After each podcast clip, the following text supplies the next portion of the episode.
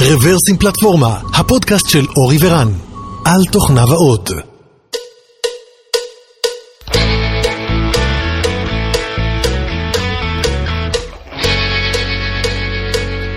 שלום וברוכים הבאים לפרק מספר 422 של רוורסים פלטפורמה. התאריך היום הוא 30 בספטמבר, השנה היא 2021, ואני מתכבד לארח באולפן הווירטואלי שלי את ארז מטולה. היי ארז, מה שלומך? היי רן, בסדר גמור, שמח לחזור לכאן. כן, אז אם אתם מזהים את הקול הזה, זה בגלל שאתם מאזינים ממש ממש ממש אדוקים. עם ארז אה, נפגשנו לפני עשר שנים או יותר, אולי אפילו 11 שנים, והקלטנו פרק אז אה, על נושא של pen testing, penetration testing, והנה היום אנחנו נפגשים לאחר 10 או 11 שנים שוב, אה, כדי לראות מה התעדכן, רמז, הרבה. אז לפני שניכנס לעולם ה pentesting, ארז, ספר לנו ככה בכמה מילים עליך. אחלה, בשמחה. אז אני נמצא בתחום הזה של ה security בערך מאז שאני זוכר את עצמי. עוד בתור ילד ככה התעסקתי עם כל מיני שפות פיתוח ולפרוץ משחקים ולעשות כל מיני דברים. והיה לי ברור שזה הכיוון שלי. זאת אומרת, עוד בתור ילד היה לי ברור שאני איכשהו אשלב בין עולם המחשבים ועולם ה... עולם האבטחה, הפריצות נקרא לזה, אז עוד לא היה בכלל הגדרה לכזה דבר. ובאמת אה, בשביל לעשות את זה בצורה ככה רצינית, היה לי ברור שגם צריך לעשות את זה ככה בצורה נכונה ואקדמית נקרא לזה. אז אה, אה, לאחר שלמדתי תואר ראשון ותואר שני בתחום, אמרתי רגע, מה אני יכול לעשות? האם אני אלך לעבוד בחברת, בחברת, סליחה, בחברת פיתוח? כן, כי בסך, בסך הכל אני מפתח תוכנה, אבל מצד שני אני מאוד אוהב את הסקיוריטי. ואז אמרתי רגע, בדיוק נולד תחום חדש כזה, שנקרא Application Security, מדבר איתך לפני 20 שנה, כן, שנכנסתי לעניינים, ואמרתי איזה מגניב, זה תחום שמשלב בין Security לפיתוח, זה בדיוק החיתוך הזה, ווואלה, נשמע לי מאוד מגניב, זה משהו שמאוד uh, מתחבר אליו. ומאז ככה התחלתי להתעסק עם כל מיני דברים שקשורים לכלים שפיתחתי, למחקרים שביצעתי, אה, הרצאות שעשיתי במקומות כמו Cat ודפקון, ואפילו יצא לי לכתוב ספר בנושא שנקרא Manage Code Rootkits.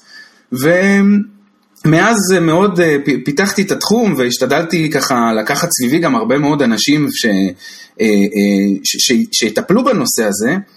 ולפני משהו כמו עשר שנים הקמתי חברה בשם AppSec Labs, שזו חברה שמתמחה בתחום Application Security, ומה שאנחנו בעצם עושים זה בדיוק זה. אנחנו 15 איש עושים penetration testing, code review, אה, מייעצים איך לכתוב אפליקציות בצורה בטוחה, כאשר המטרה המרכזית שלנו בסופו של דבר לגרום לעולם להיות מקום בטוח יותר בהקשר של סופטוור. מצוין, אז באמת היסטוריה ארוכה ומכובדת. אה, לא, לא הרבה יודעים, אבל גם אני התחלתי את הקריירה שלי כ pentester באיזשהו שלב, זאת אומרת, אה, באמת אחרי שסיימתי את הלימודים, זה היה אחד הדברים הראשונים שעשיתי, ואחר כך עברתי לכיוונים אחרים של front-end, back-end, תשתיות, והיום data science. אבל אה, כן, יש לי עדיין פינה חמה בלב לעולם ה pentesting, וגם אני הייתי ב Black Hat וכאלה, ומכיר את, ה, את החבורה. אז אולי, אבל בכל אופן, למי שלא מכיר, והזכרנו את המילה הזו מספר פעמים, pentesting.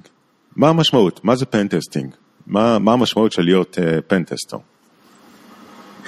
pentesting בצורה הכי, נקרא לזה ככה, מסונטזת שלו, זה לקחת מערכת, זה יכול להיות, מערכת, זה יכול להיות איזשהו web app, זה יכול להיות mobile app, זה יכול להיות אולי פנטסט תשתיתי בכלל. פנטסט לשרת אה, קבצים, ל-IAS, לאפאצ'י, לא משנה מה, תמיד יש טארגט. ובשורה התחתונה המטרה היא להפיק דוח, כן? זאת אומרת להפיק רשימת vulnerabilities, בעיות שנמצאו באותה מערכת, על מנת שהצד השני, בדרך כלל בעל המערכת, יוכל להבין בפני מה הוא עומד. אם uh, בעל המערכת uh, יודע שיש לו איזושהי מערכת ואין לו כל כך מושג איזה בעיות יש שם, אז הדבר הכי קרוב לפורץ אמיתי שיפרוץ לו את המערכת וינצל את זה, זה לקחת מישהו, נקרא לזה מהטובים, penetration tester, שבצורה מסודרת, מבוקרת, בתיאום עם, ה, עם אותו גורם, כן, יבצע לו סוג של סימולציה ל, ל, לאיש הרע, רק שבמקום שהוא באמת ינצל את הפרצות האלה ויעשה עם זה משהו, הוא פשוט בא ואחרי זה אומר לו, הנה תראה, אלה הם הבעיות ש, ש, שמצאתי, והנה גם מההבנה שלי של, ה, של, ה, של הבעיות, אני גם יכול להגיד לך איך כדאי לך לתקן אותם. כן. אמ, בסדר גמור, מעולה, מעולה. אז, אז אפשר לחשוב על פנטסטר כשודד טוב, אה, מישהו שמדמה פריצה, אבל אה, בסופו של דבר נותן לך דוח ולא גונב לך את הכסף או את שאר הדברים. אה, מעולה. אז המקצוע הזה, כמו שאמרת, התחיל כבר לפני 20 שנה או יותר, אבל בוא נדבר על מה קורה היום, זאת אומרת, מה התחדש, בוא נאמר לפחות בחמש, עשר שנים האחרונות מבחינה טכנולוגית, מבחינת, אה, אה, מבחינה מתודולוגית, אה, מה, מה חדש בזמן האחרון? אז קודם כל המון השתנה, אם אני אקביל את זה למה שהיה אז בפגישה הקודמת שלנו לפני 15 שנה בוא נקרא לזה, כן? אז העולם היה מאוד פשוט, אז היה לך טכנולוגיה אחת בדרך כלל, שרת ווב אחד, כן? בדרך כלל הכל היה מאוד הומוגני. הרוב היה רץ על IISים, בדרך כלל השפת פיתוח, בדרך כלל מה שכתבו זה Web Apps עם ASP, כן, בהמשך היה, התחיל .NET, כן, ואם כבר אפליקציות ווביות היו אז היה רק Java, היה מאוד מאוד מצומצם. ובדרך כלל מי שגם עשה penetration testing בתקופה ההיא, היו סוג של לקוחות מאוד מאוד ממוקד, זה יכול להיות, זה בדרך כלל היה בנקים או, או תעשיות ביטחוניות וכאלה. היום ליטרלי כולם עושים penetration testing, אמ, כי כולם מבינים שזה צורך מאוד חשוב, וזה איזשהו שינוי מאוד אה, מהותי שאנחנו רואים היום, שכולם עושים, כולם עושים, כולם עושים כל הזמן, כולם עושים להכל. לא רק לאותן אה, אפליקציות שהן אה, ככה חשופות. ואם אני מסתכל רגע על ההבדל המשמעותי, אני, אני אגיד את זה במשפט אחד ואני אפתח את זה. בשורה תחתונה, היום הרבה יותר מורכב לבצע penetration testing ממה שבוצע בעבר. היום למשל, כשאנחנו מסתכלים על, אה, על טארגט, אה, בסדר? אני, אני ברשותך אתמקד בעולם שאני מכיר ושוחה ומומחה בו, כן? תחום ה applications, בסדר? אבל אם אני אסתכל רגע על applications, אמ, ואגב, application זה מושג מאוד רחב, זה יכול להיות Web App, זה יכול להיות mobile app, זה יכול להיות IoT, זה יכול להיות REST API, you name it, בסדר? היום הכל software. בקיצור, היום הרבה יותר מורכב לבצע penetration testing, כי הפרופיל של ה penetration tester הוא כזה שהוא צריך להיות הרבה יותר ורסטילי. הוא לא יכול להכיר רק טכנולוגיה אחת. הוא לא יכול לבוא ולהגיד, אני יודע רק לבדוק web app מסוג Java. הוא צריך להכיר טכנולוגיות שונות, הוא צריך לדעת את ההבדלים, מה ההבדל בין אפליקציה שהיא נגיד מותקנת on-prem, שזה אגב היה בעבר בעיקר on-prem, לבין פתאום אפליקציות שהן כמעט היום אין כמעט on-prem, יש רק בנסיבות מיוחדות אתה תראה on-prem, כן? אמ, היום הרוב זה SaaS. אם ניקח את זה עוד שלב אחד קדימה, כן? היום הכל בנוי מעל תשתיות cloud. בסדר? SaaS לא בהכרח אומר cloud, כן? יכול להיות שיש מישהו שיש לו SaaS שהוא לא בהכרח משתמש בכל ה-advanced features שיש ל SaaS, שיש ל cloud providers, כמו storage של encryption keys, וכמו למשל שירותים שאתה זורק את הקוד שלך, יש לך איזה Lambda function, זורק את הקוד וזה רץ, לא, אתה לא צריך בכלל תשתיות.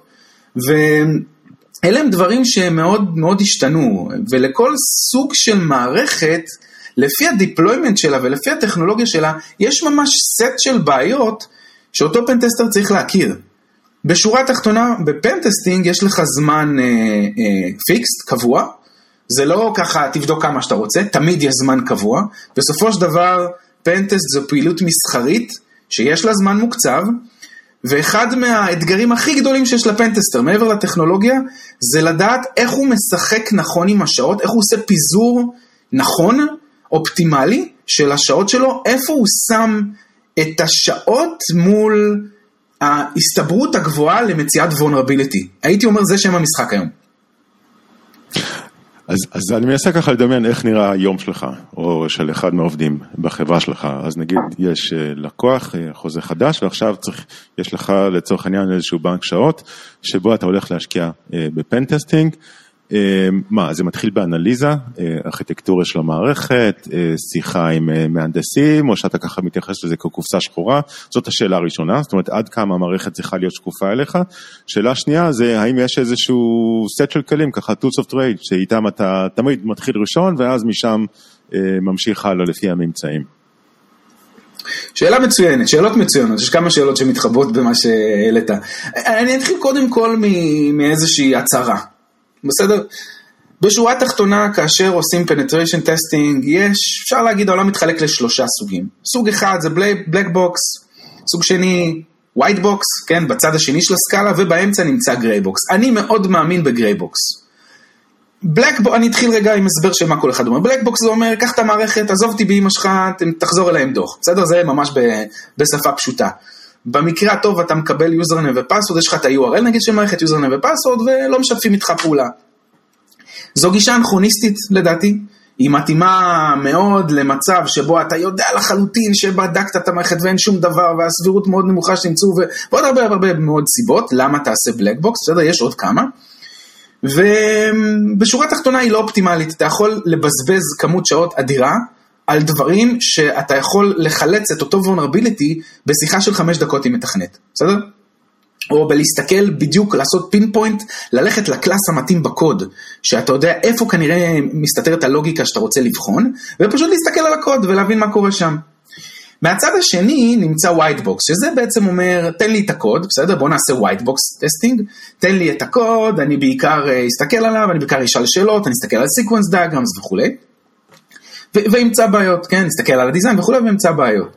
ויש את האמצע, האמצע זה gray box שבעצם אומר בוא נעשה את שניהם. בוא נשתמש בש, בשני מכשירים, גם במכשיר הפנטסטי, ה black box י, וגם במכשיר ה white box י, על מנת לאתר vulnerability, אם שם המשחק הוא בהינתן זמן נתון, קבוע fixed, אני רוצה למצוא את מקסימום ה-vulnerabilities, אני כ pentester מאוד ארצה כמו רופא שיכול לנתח ויש לו סט של מכשירים שיכול להרים פעם את האזמיל הזה, פעם את ההוא וכולי, אני רוצה לבוא ולהגיד, הייתי מאוד שמח, בהינתן בעיה נתונה שאני רוצה לבחון, לחשוב רגע ולהגיד, רגע, האם אני ניגש אליה במסלול עם המכשיר של ה black, כי זה יותר נכון לבדוק אותה עם black, או אולי יותר נכון להסתכל עליה ב white. או אולי נכון להתחיל black, לעבור ל white, לחזור ל black, לחזור ל white, וככה בעצם בצורה מאוד יעילה לאתר את הבעיות, שזה מוביל אותי לשאלה ששאלת, איך בעצם, מה המתודולוגיה של, של צורת הבדיקה? ה pipeline הוא כזה. כשמתחיל, עוד לפני שמתחיל penetration testing, נהוג לעשות משהו שנקרא scoping. scoping זה תהליך שהוא חצי עסקי, חצי טכנולוגי. זה תהליך שבו מדברים עם הלקוח, עוד לפני שיש הצעת מחיר בכלל, לפני שיודעים בכלל מה הולכים לבדוק וכולי, שואלים אותו, תגיד, מה מעניין אותך? מה היית רוצה לבדוק? בוא תשרטט לי גבולות גזרה, שרטט לי את הרכיבים שלך, האם הווב-אפ כן בסקופ, לא בסקופ, ה-REST API ההוא שמדבר עם, הר... עם השירות הצד שלישי שלך, כן להכניס אותו, לא להכניס אותו. שלב ראשון מחליטים איתו מה בכלל אנחנו רוצים, מה הגבולות גזרה. מבינים מה המורכבות של המערכת, כמה דפים יש לכל מערכת, כי הרי מערכת לא מודדים אותה לפי, לפי משקלה בקילו, כן? מודדים אותה לפי כמות הדפים, כמות ה-APIs, כמה הם מורכבים. יכול להיות שתי מערכות, שניהם יש עשרה API, עשרה endpoints, אבל אחת היא סופר מורכבת, והשנייה היא כזו סופר פשוטה כזו, כמה גטים פשוטים שמחזירים אינפורמציה. אחרי שקובעים עם הלקוח את היקף הפעילות, מקבלים הצעת מחיר, הוא מאשר אותה, כן, כל הצד הביזנסי, בוא נגיד, עברנו אותו, קובעים kick off, kick off זה שלב סופר חשוב ב pentest, זה שלב שבו ביחד עם הלקוח קובעים בשלב הראשון של המערכת, מזמנים את כל הגורמים הרלוונטיים, בין אם זה ה pentesters וה project manager מהצד של קבוצת ה pentest, מהצד שלנו למשל, ומהצד של הלקוח, בדרך כלל את ה... אמ, מי שמכיר את המוצר הכי טוב, מנהל הפיתוח, לפעמים ה CISO, כן, המנהל אבטחת מידע שולח נציג מטעמו, גורמים מצד הלקוח. ורואים שקודם כל יש לנו את כל המידע שאנחנו צריכים, URL ים, פסוורדים, כל מה שצריך למערכות, רואים שהכל עובד, סופר חשוב. גרוע להתחיל פעילות ואז לגלות שפתאום אחת המערכות לא זמינה, כן? למה? כי אתמול ה-QA החליטו לעשות איזה בדיקה ועשו איזה stress test או לא משנה מה. תמיד יש סיפורים. בשלב הזה של ה kick-off זה השלב שגם לאושש את ההנחות יסוד שלנו לגבי הגבולות גזרה. אני יכול לתת, לא, לא חסרות דוגמאות, שפתאום פתאום מישהו מתעורר מהצד של הלקוח, ואומר, אה, רגע, רגע, רגע, המערכת הזו שאמרתם שהיא ב scope היא או לא מוכנה, או לא אמורים לבדוק אותה, או יכול להיות מקרה הפוך. מישהו בא ואומר, רגע, אמ, מה עם השירות ההוא וההוא? כן? מה עם השירות שעכשיו עושה payment מול זה? זה הוספנו לפני כמה ימים, כן צריך להכניס אותו ל scope, אז זה בדיוק המקום שבו כל מיני דברים צפים. אחרי שעברנו את השלב הזה, מה שנהוג לעשות, ואם אני אחבר את זה רגע ל gray box, זה לקבוע שיחה עם אחד המתכנתים, מי שמכיר טוב את המערכת, וללכת איתו בשיטה של cross uh, cut לכל האזורים שמעניינים ב security, ללכת איתו ממש ברמת ה-IDE, להגיד לו, פתח עכשיו, סתם דוגמא, את Visual Studio, כן, נגיד זה פרויקט ב .NET, פתח Visual Studio, תראה לי בבקשה איך אתה עושה אותנטיקציה ליוזרים, תראה לי איך אתה חותם על JWT tickets, קח אותי למשל לאוטוריזציה, אני רוצה לראות את המודל ההרשאות שלך, או אמרת לי שאתה, יש לך database אה, מסוג אה, SQL, תגיד, אתה משתמש ב-Dynamic Queries, או, או בכלל לא, אמרת לי שאתה עובד ב-ORM, אני רוצה לראות בעיניים. אני רוצה, קח אותי בבקשה ל DAL, אני רוצה לראות בעיניים. למה אני אומר את הדברים האלה? כי אני יודע שעוד מעט אני אעשה פנטסט, ואחד הדברים, בלקי, ואחד הדברים שאני אסתכל עליהם זה למשל SQL injection. כשאני אבוא ל SQL injection, אם אני יודע, היה לי אינטל, היה לי מידע פנימי, שאומר שלמשל, אין מצב ל dynamic queries בקוד, למה? כי ראיתי בעין שהמתכנת משתמש ב-ORM, בסדר? בוא, בוא נניח שאין בעיה באיך שהוא מימש ORM, בסדר? אבל נניח שאני אומר יש ORM, הסבירות שבה יש SQL injection בקוד שה runtime בכלל generate על מנת לגשת ל database הוא קלוש. זאת אומרת, אני יודע שאולי אני ככה בקטנה אוודא SQL injection, אבל אני יודע שאת השעות היקרות האלה של SQL injection, ש- שהייתי אמור לבדוק, אני אשים אותם על משהו אחר. אני אמצא בעיה אחרת, ושוב אני מזכיר, זה משחק של הסתברויות. התפקיד של הפנטסטר הוא לבוא ולראות איפה לשחק עם, ה- עם, ה- עם, ה- עם השעות שלו.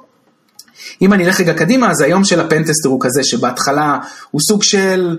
אה, אם התחיל הפרויקט, הוא סוג של עושה רקוניסנס על המערכת, information gathering, עובר על המערכת, איזה API יש, כן WebSocket, לא WebSocket, מה עובר, האם זה עובר ב-JSON, עובר בפרוטובאף, עובר בלא משנה מה. אגב, היסטוריה, פעם זה לא היה ככה, פעם היה HTTP request פשוט, פרמטרים, משחק, כל מה שאתה צריך לעשות זה לשחק עם פרמטרים, היום פתאום הרבה יותר מורכב, היום פתאום יש single page applications, אתה כבר לא יכול לעשות crawling על כל המערכת ולדעת בצורה פשוטה, היום דברים הרבה יותר מורכבים.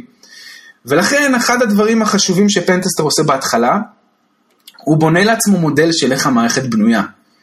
והוא חושב כמתכנת. הוא אומר, אם אני הייתי בונה את זה, איך, אני נכנס לראש של המתכנת ואני מבין את השיקולים שלו. למה למשל את ה request הזה הוא העביר over WebSocket, ואת זה לא העביר ב-REST API? כנראה הייתה סיבה. כנראה את ה-WebSocket הוא צריך long long running connection או משהו, וכנראה שאם יש לו long running connection, אז כנראה שבצד השני, ה user הוא כנראה authenticated once הוא פתח connection, זאת אומרת יכול להיות שב WebSocket אני אומתתי רק פעם ראשונה שפתחתי את ה connection, ויכול להיות שכשאני אשלח את הבקשות הבאות, אם אני אעשה משחק על פרמטרים ואזין ID של user אחר, או של resource אחר, יש סיכוי גבוה יותר שאני אמצא אותו. למה? כי ב-REST API מראש בגלל שהוא נקרא לזה ככה stateless בהקשר הזה, אז תמיד בודקים. בסדר, יש כל מיני ניואנסים קטנים שברגע שאתה נכנס לראש שאתה מתכנת, זה נותן לך כל מיני טיפים איפה כדאי לך אה, אה, להסתכל. בקיצור, אחרי שעשינו את שלב ההבנת איך המערכת בנויה ואיפה כנראה יש בעיות, ואחד הדברים זה גם למפות פיצ'רים. למשל, יש פיצ'ר של file אה, upload או download, כן, אה, הרבה פעמים זה import או export של כל מיני קבצים וזה, אז כבר אני יודע שב security test cases שלי, אני צריך לכסות vulnerabilities כגון directory traversal, uh, path manipulation, דברים שכאלו. אם לא היה פיצ'ר שכזה, ושימו לב, זה feature driven, אם לא היה פיצ'ר בכלל של פיילים, כנראה שלהתחיל לחפש directory traversal היה נמוך יותר ברשימה שלי. זאת אומרת, אחד מהדברים שה pentester עושה, הוא גם, הוא גם בונה לו סוג של, הוא עושה לו רשימה ממוינת של איזה test cases יותר מעניינים ספציפית אה, במערכת הזו. זה, זה, זה קטע מאוד מעניין ומאוד מאתגר, וככל שיש יותר ניסיון, ואנחנו גם רואים את זה, שפנטסטרים מנוסים יותר, ראשי צוותים, הרבה פעמים, גם אם יש pentester מאוד טוב, שיודע לזהות בעיה מאוד מאוד טובה, הוא צריך את הניסיון של ה pentester המנוסה יותר, שיגיד לו, שמע, יש לי תחושת בטן, יש לי הרגשה שבאזור הזה יהיה לך directory traversal. הצעיר יותר, שיודע למצוא directory traversal, ושד בזה, יסתכל על, המבוג... על, ה... על ה... מישהו שמנוסה יותר ויגיד לו, בוא'נה, איך אתה יודע? מאיפה יש לך את התחושת בטן הזו? וזה בדיוק הניסיון שגורם לך להבין איפה לחלק את, ה... את, ה... אמ, את השעות. כן. ואם אני אקפוץ רגע לסוף, רק לשלב האחרון, אחרי שמצאנו, במהלך הפעילות מצאנו vulnerabilities, היועץ שם לו אותם בצד, כן? ובשלב הסופי הוא כותב דוח שממפה את כל אותן בעיות, ואני אשמח עוד מעט להרחיב על איך נראה דוח ומה יש שם ומה עושים איתו. כן, עכשיו אני מניח שאיזשהו סאבטקסט שלא כל כך דיברנו עליו זה שלך יש אולי איזושהי מגבלת זמן, אבל אתה יוצא מתוך נקודת הנחה שלפורץ אין מגבלת זמן, זאת אומרת גם אם אין לו כמובן גישה ל-white box, אין לו גישה ל-source code, או לפחות אנחנו מקווים שאין לו את הגישה הזאת, אה, אם לא התכוונו לתת לו, אה, אבל כן יש לו הרבה מאוד זמן לשחק, אז הוא לא יודע אם יש דירקטורית רוורסל או לא, אבל הוא פשוט מנסה, והוא לא יודע אם יש פה בעיה ב-web socket או לא, אבל הוא פשוט מנסה, אה, ולפורץ יש נגיד אין סוף זמן, אבל לך אין, אין, יש סוף לזמן שלך, אוקיי? יש סוף לשעות שאותם אתה יכול להשקיע לפי החוזה, ולכן אתה צריך לתעדף אה, לפי סיכונים. אה, רציתי לשאול, אה, יש לנו סך הכל די הרבה נושאים שאנחנו רוצים לכסות והזמן קצר, כמו ב pentesting, אז רציתי ככה להתמקד על כמה דברים. אז אחד הדברים המשמעותיים אני חושב ביותר בעולם של ה security האפליקטיבי, זה התפתחות של שפות התכנות.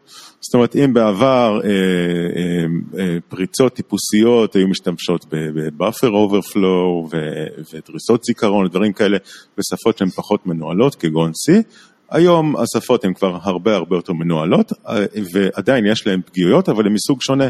אז שפות שהן הרבה יותר מתקדמות כדוגמת הגרסאות האחרונות של, של Java ו TypeScript ו-Go ו-Rust מנהלות בצורה מאוד מאוד יפה את, ה, את הזיכרון שלהם ויש להם לא מעט פיצ'רים של security כבר built-in בתוך השפה. אבל אני מנחש שיש להם פגיעות אחרות. אז איך אתם אה, ניגשים, נגיד אתם לומדים שיש code אה, base אה, שכתוב לצורך העניין ב-Go, ב-Rust או בטייפסקריפט או בשפה מודרנית אחרת, האם אתם ניגשים לזה בצורה שונה, עם סט שונה של, גשים, של כלים, עם מתודולוגיה אחרת? חד משמעית כן, כי לכל שפה יש את ה... נגיד את זה ככה, את ה-common vulnerabilities שלה, או אני אגיד את זה אחרת, בצורה אחרת, לכל שפה יש את המקומות האפלים האלה, שמתכנת עלול לראות לעצמו ברגל. מה הכוונה? אמ, הסביבה והשיטה וכל הקומיוניטי הרבה פעמים מעודד אותך לעבוד בצורה מסוימת, שהיא, בוא נגיד את זה ככה, קצת יותר מסוכנת מהממוצע, או יותר מסוכנת משפה אחרת. אמ, בעיקר בדברים אה, דינמיים, או בדברים שאתה עושה בצורה שכזו שהם... שנגיד אה, בשפות אחרות לא היית עושה, כן? למשל אה, אה, בשפות כמו, בסביבות כמו Node.js או ודומיהם, כן? מאוד מאוד מאוד מעודדים אותך יותר מסביבות אחרות להשתמש ב-open source components, בסדר? open source components, למרות שזה לא קוד שאתה כתבת, יש סבירות יותר גבוהה שבקומפוננטה שלא תפתח בעצמך יהיה vulnerability, כן? גם לך תדע מאיפה אתה עושה, מאיפה הגיע הפקאג' הזה ל-NPM ואתה מושך אותו ואלוהים יודע מה קורה איתו. אז, אז יש סביבות שבהם ה package הזה היום המרכזי, יש סביבות שבהם אה, אתה יודע שהסביבה עצמה היא, היא, היא כזו שבה יש יותר סבירות לטעות, כן? אממ, אגב, דיברת על, על, על אה, זיכרון מנוהל וכולי, גם לפני עשר שנים הרוב היה זיכרון מנוהל. זאת אומרת, בעיות כמו buffer overflow ו format strings ו heap overflow וכולי, אלה הם בעיות שבאמת אה, כבר, כבר עוד, עוד בעבר כבר הפסקנו להסתכל עליהם, בסדר? זאת אומרת, הסבירות שאתה תמצא buffer overflow באיזשהו ווב הוא קלוש, בסדר? לכן הבעי, רוב הבעיות הן מתמקדות בעיקר בבעיות טכניות, זה, זה המונח, בעיה טכנית, כן?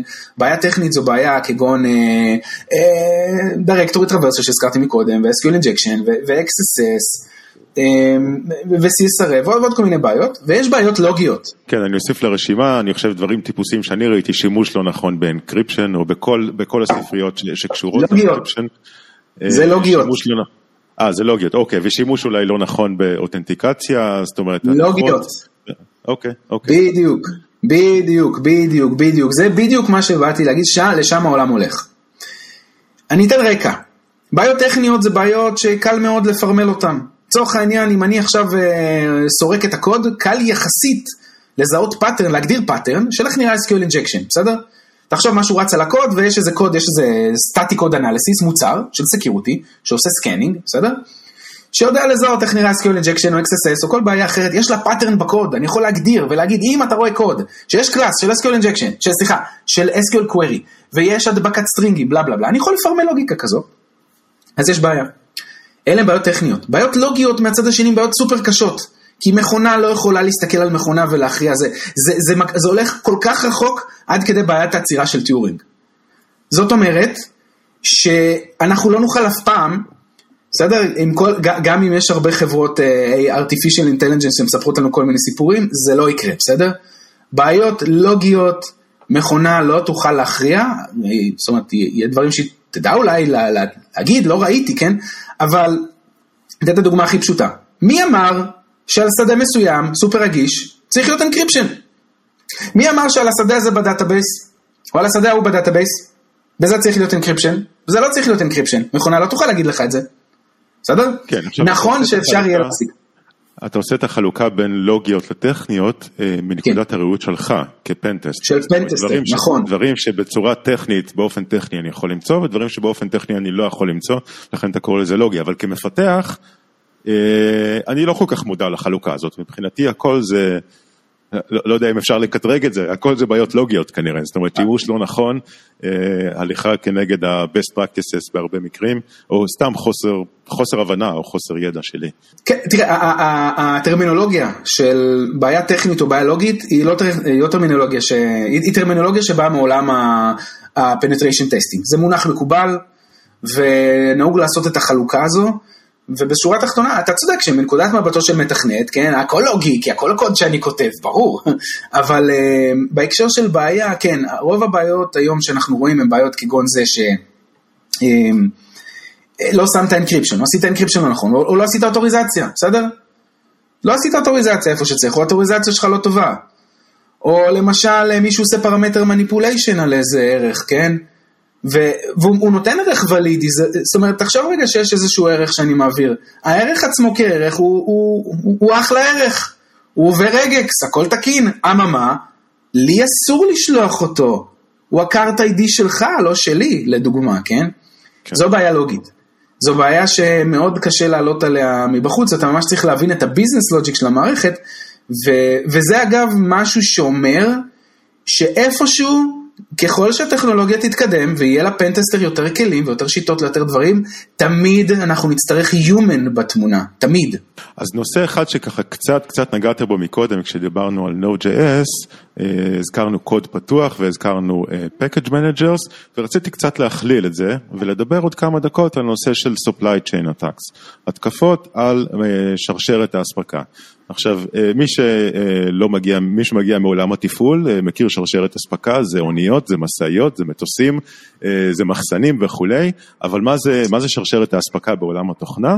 אז בעולם התוכנה שרשרת האספקה היא כוללת כמה דברים, זה כולל בעצם את כל הטולינג שעוזרים לנו בסופו של דבר לכתוב את התוכנה ולדלבר אותה, אם זה ה-IDE, אם זה ה-Package Manager, אם זה חבילות ה-open source השונים, CI, ה-deployment system, Docker, Kubernetes וכולי. זאת אומרת, כל מה שעוזר לנו בסופו של דבר, כל מה שהוא לא התוכנה שלנו, אבל עוזר לנו לייצר את התוכנה, ובזמן האחרון, טוב, אני לא יודע אם זה עניין של הזמן האחרון, אבל אולי זה קצת עלה יותר למודעות בזמן האחרון, יש לא מעט התקפות על שרשרת האספקה הזאת, אם זה התקפה על ה-CI, אם זה התקפה על החבילות, hijacking וכולי.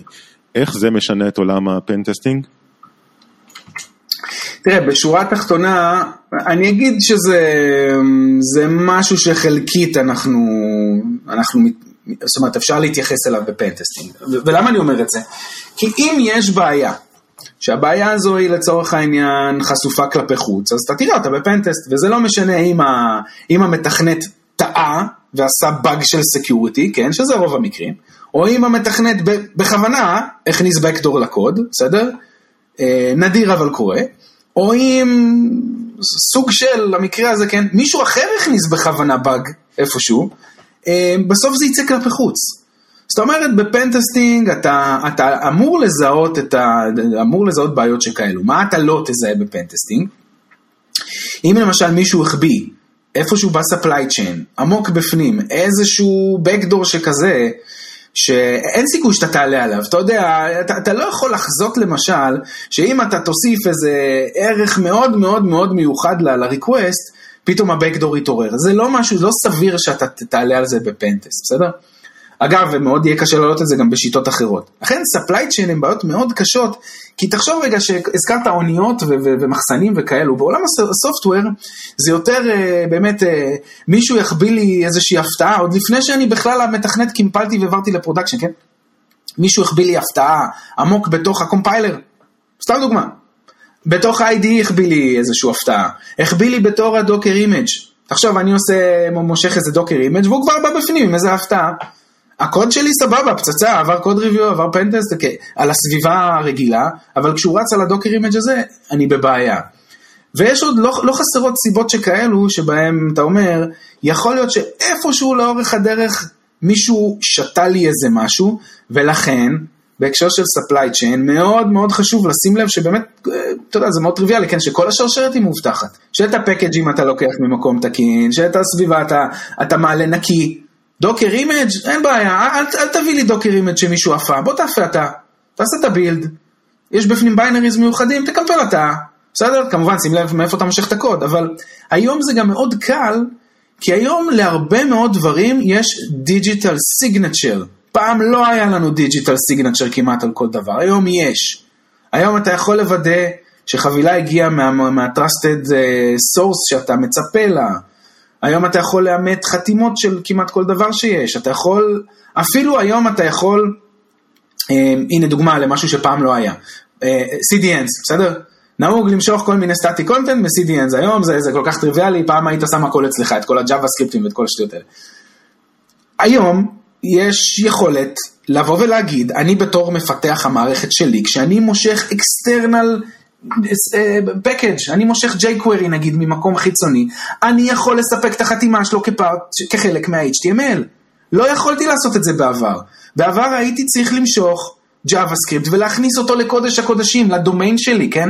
בתוך, ה, בתוך הדום שלי, להכניס משהו מבחוץ, אין לי מושג מאיפה הוא בא, אין לי מושג האם מישהו שינה אותו מאיפה שמשכתי אותו וכולי. היום אני יכול ממש לספק hash, כן? חתימה, של מה שאני מצפה לקבל. אם הבראוזר יקבל פקאג' לא מתאים, הוא ידחה אותו, הוא לא יטען אותו, שזה נהדר.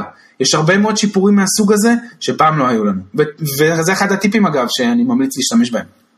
זהו, אז זה באמת מביא אותי לשאלה הבאה, אז אה, אולי לא יהיה לנו זמן לדבר על הריפורט שאתם אה, מייצרים, אבל האם אה, אחרי שמצאתם אוסף של אה, vulnerabilities, של רגישויות, של פגיעויות, האם אתם גם אה, הולכים הלאה ומספקים בסופו של דבר אה, פתרונות או mitigation-ות לאותן בעיות?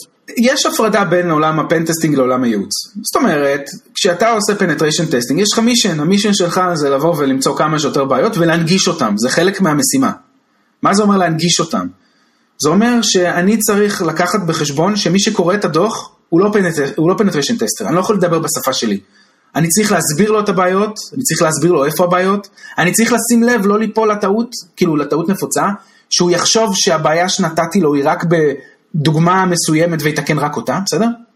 ואחד הדברים שחשוב מאוד להנגיש במסמך זה את ה-mitigations. אז לשאלתך כן, נהוג לתת mitigation במסמך, להגיד איך לטפל בזה. אמרתי לך סתם דוגמה שה-encryption שלך לא טוב, בסדר? אגב, יש לזה שם משחק מילים, encraption, uh, בסדר? אם אתה עושה encraption, בסדר?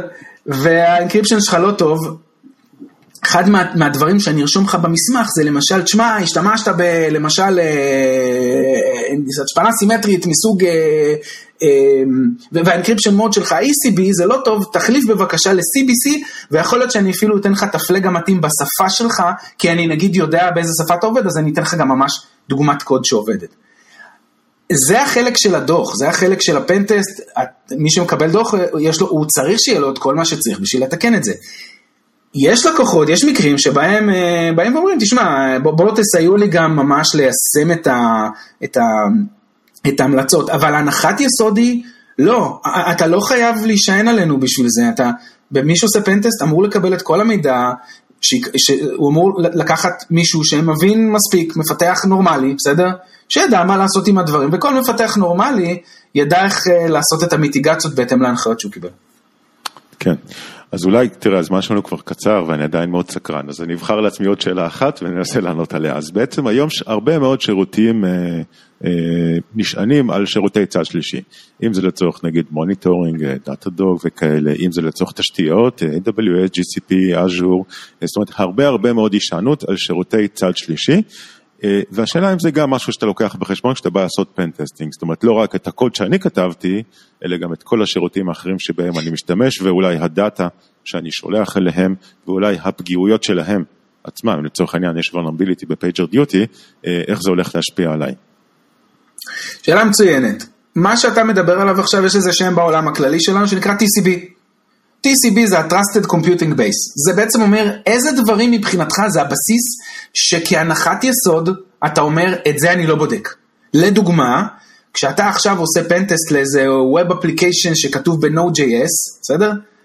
אתה לא תלך תבדוק את, ה, את המערכת הפעלה שלו, למה? כי אתה אומר, ההנחת יסוד שלי שהמערכת הפעלה שלו היא, היא תקינה. כמובן שאתה יכול לעשות פנטסט על לראות ש, שאין known vulnerabilities במערכת הפעלה. אבל באנלוגיה, כן? אני מניח עכשיו עושה פנטסט על איזה ווב אפ או לא משנה מה, שפתאום משתמש בשירות צד שלישי, משתמש עכשיו ב, ב, בשירות שליחת אס.אם.אסים בטווילו, לא יודע מה, משהו צד שלישי. אני לא הולך לעשות פנטסט על טווילו, בסדר? מבחינתי Twilio, זה, זה, הוא, הוא, הוא, הוא, הוא בהנחת יסוד שלנו, הוא צד שלישי שהוא secure. קודם כל, אני לא יכול ללכת ועד אינסוף לבדוק את כל, ה, את כל הלוויינים סביבי, בסדר? זוכר? זה משהו עסקי. אה, כאילו, יש, יש גבול. דבר שני, חוקית אני לא יכול. דבר שלישי, גם אם הייתי יכול, הם היו אומרים לי, לך מפה. דבר רביעי, תשמע, זה האחריות שלהם. ומה שכן עושים, מסתכלים על, ה-interf... על ה-interface. זאת אומרת, אם אני עכשיו עובד עם, אה, עם צד שלישי, כן אני אסתכל, וזה כן דברים שאני מסתכלים עליהם, כן אני מסתכל שלמשל אני עובד מולו, אז אני עובד ב-HTTPS, לדוגמה, בסדר? כי אני רוצה לוודא שהדאטה עובר לשם encrypted בצורה נוחה, בצורה נכונה. דבר נוסף, אני עובד uh, מולו, אני רוצה לעשות server authentication, זה קונצרן שלי. אני רוצה שכשאני הולך לצד שלישי, לעשות אותנטיקציה שלו. אני רוצה לוודא שכשאני עובד uh, עם שירות צד שלישי, אני רוצה לוודא שבאמת אני עובד איתו ולא עם איזה man in the middle. למשל, אחד הדברים שעולים בפנטסט, זה שבזמן הפיתוח, חיברו את ה-certificate validation, למה? כי בפיתוח אה, לא היה לי certificate אה, של אה, צד שלישי כלשהו וביטלתי, עשיתי, דרסתי, עשיתי over, over, דרסתי את המתודה ש, שעושה certificate validation ואמרתי return true, למה? עזוב אותי באמא שלך, בסדר? פונקציית עזוב אותי באמא שלך. ו, ו, ו, ו, וכשבאים ל-production, וואלה מעולה, זה עובד, כי זה עבד גם מקודם. אלה הם דברים שב-pentest, למשל, כן בודקים אותם, כי כשמכניסים man in the middle, ורואים שכשאני מגיש certificate שהוא לא חתום על ידי ה-CA, שאותו client אמור לאמת, אז אני מבין שיש בעיה. בקיצור, לא בודקים את הצד שלישי, כן בודקים את האינטגרציה מולו, את ה-interfacing מולו, מה נשלח, איך מאמתים אותו וכולי. כן. ואני מניח שבהקשר הזה גם יש עניין של נגיד זליגה, של מידע פרטי, אולי אם שלחת אס.אם.אס נכון. אז לוודא שאתה שולח רק את הפרטים שאתה רוצה ולא בטעות מידע של מישהו אחר. אה, נכון, ברשותך, אני אקח דוגמה מעולם ה-mobile apps, בעולם ה-mobile apps אתה פתאום רואה שפתאום out of the blue, כאילו זה בדיוק מהכיוון ההפוך, כן? אם מקודם אמרתי, אני יודע שיש תקשורת לשרת מסוים, פתאום אני מזהה תקשורת שהולכת לאיזה שרת כלשהו, אין לי מושג בכלל מי הוא, למה הוא, איפה הוא, ומסתבר שה vendor, ברוב נחמדותו, כן, הוסיף בפנים לוגיקה של monitoring, של טלמטריה, ולפעמים זה אפילו בצורה זדונית. אז אגב, אחד מה side מה, אפקט של, של pentest, פתאום במקרה, לזהות תקשורת שבכלל לא ידענו שהיא קיימת, שמגיעה מתוך איזשהו SDK שלקחנו והכנסנו פנימה. אנחנו רואים את זה מלא, ו... וזה אגב אחד הדברים שככה על הדרך פתאום אנחנו יכולים לה... להעיר עליהם. לפעמים אגב זה לא עניין של security, לפעמים על הדרך אנחנו אומרים איזה משהו שעוזר לצד השני והוא אומר לנו וואלה תודה, לא ידעתי בכלל שכאלה דברים קורים. אז לדוגמה יכול להיות מקרה שבו נגיד אתה מתקין SDK בתוך ה mobile app שלך אה, ובלי ידיעתך הוא שולח נגיד אנליטיקות על ה user שלך או אולי אפילו PII, זאת אומרת personal identifiable information על היוזרים שלך מבלי שבכלל ידעת וכמובן מבלי שהסכמת. נכון, נכון, נכון, ופתאום אתה מגלה שאתה לא עומד ברגולציה, שבעצם אותו צד שלישי, אותו package תמים, שכל מה שהוא אמור לעשות זה לספק לך איזשהו, לא יודע מה, זה חישוב של איזה משהו מסוים, פתאום אתה מגלה שהוא ברוב חוצפתו, לוקח את אותו מידע של ה end user ושולח לשרת שלו. עכשיו, גם אם זה לא בצורה זדונית, כן? גם אם הם צריכים את זה בשביל לשפר את המוצר שלהם, או לבנות איזשהו מודל data science כזה או אחר, אני בבעיה, אני ה vendor, כן? אני בבעיה כי פתאום הוא גורם לי לא לעמוד ברגולציה שאני אמור לעמוד בה, בגלל שהוא שולח את הנתונים של הלקוחות שלי אליו, בסדר? אז זה מסבך אותנו, וכמובן... הרבה פעמים זה גם עלול להוביל לבעיות security, אבל זה חלק מהדברים שעלולים למצוא ב pentest על הדרך. כן, ברור. טוב, אז כמו שאמרנו מקודם, זמננו עוד קצר ואנחנו צריכים לסיים. אז קודם כל תודה ארז, היה כיף והיה מעניין, אה, ותודה על העדכון, אני מקווה שניפגש שוב ולא בעוד עשר שנים. אה, אז אה, כן, אז עולם ה pentesting מתחדש, אני מניח כל יום, ומרתק. וזהו, תודה. בכיף, שמחתי מאוד uh, לבוא, שמחתי לדבר. Um, כמובן, אם יש עוד נושאים ככה מעניינים, אני בכיף ככה יבוא וירחיב עליהם, ותמיד כיף לדבר ולספר ככה את מה, מה שבסופו של דבר עובר בצד הזה, כי אני גם רואה שברגע שגם עולם הפיתוח רואה ומבין את השיקולים של ה pentest, בסוף זה נותן יכולת טובה יותר אה, לבצע את הפעילות הזו. יופי, אז תודה ארז, ולהתראות. בכיף, תודה רבה, bye bye. bye.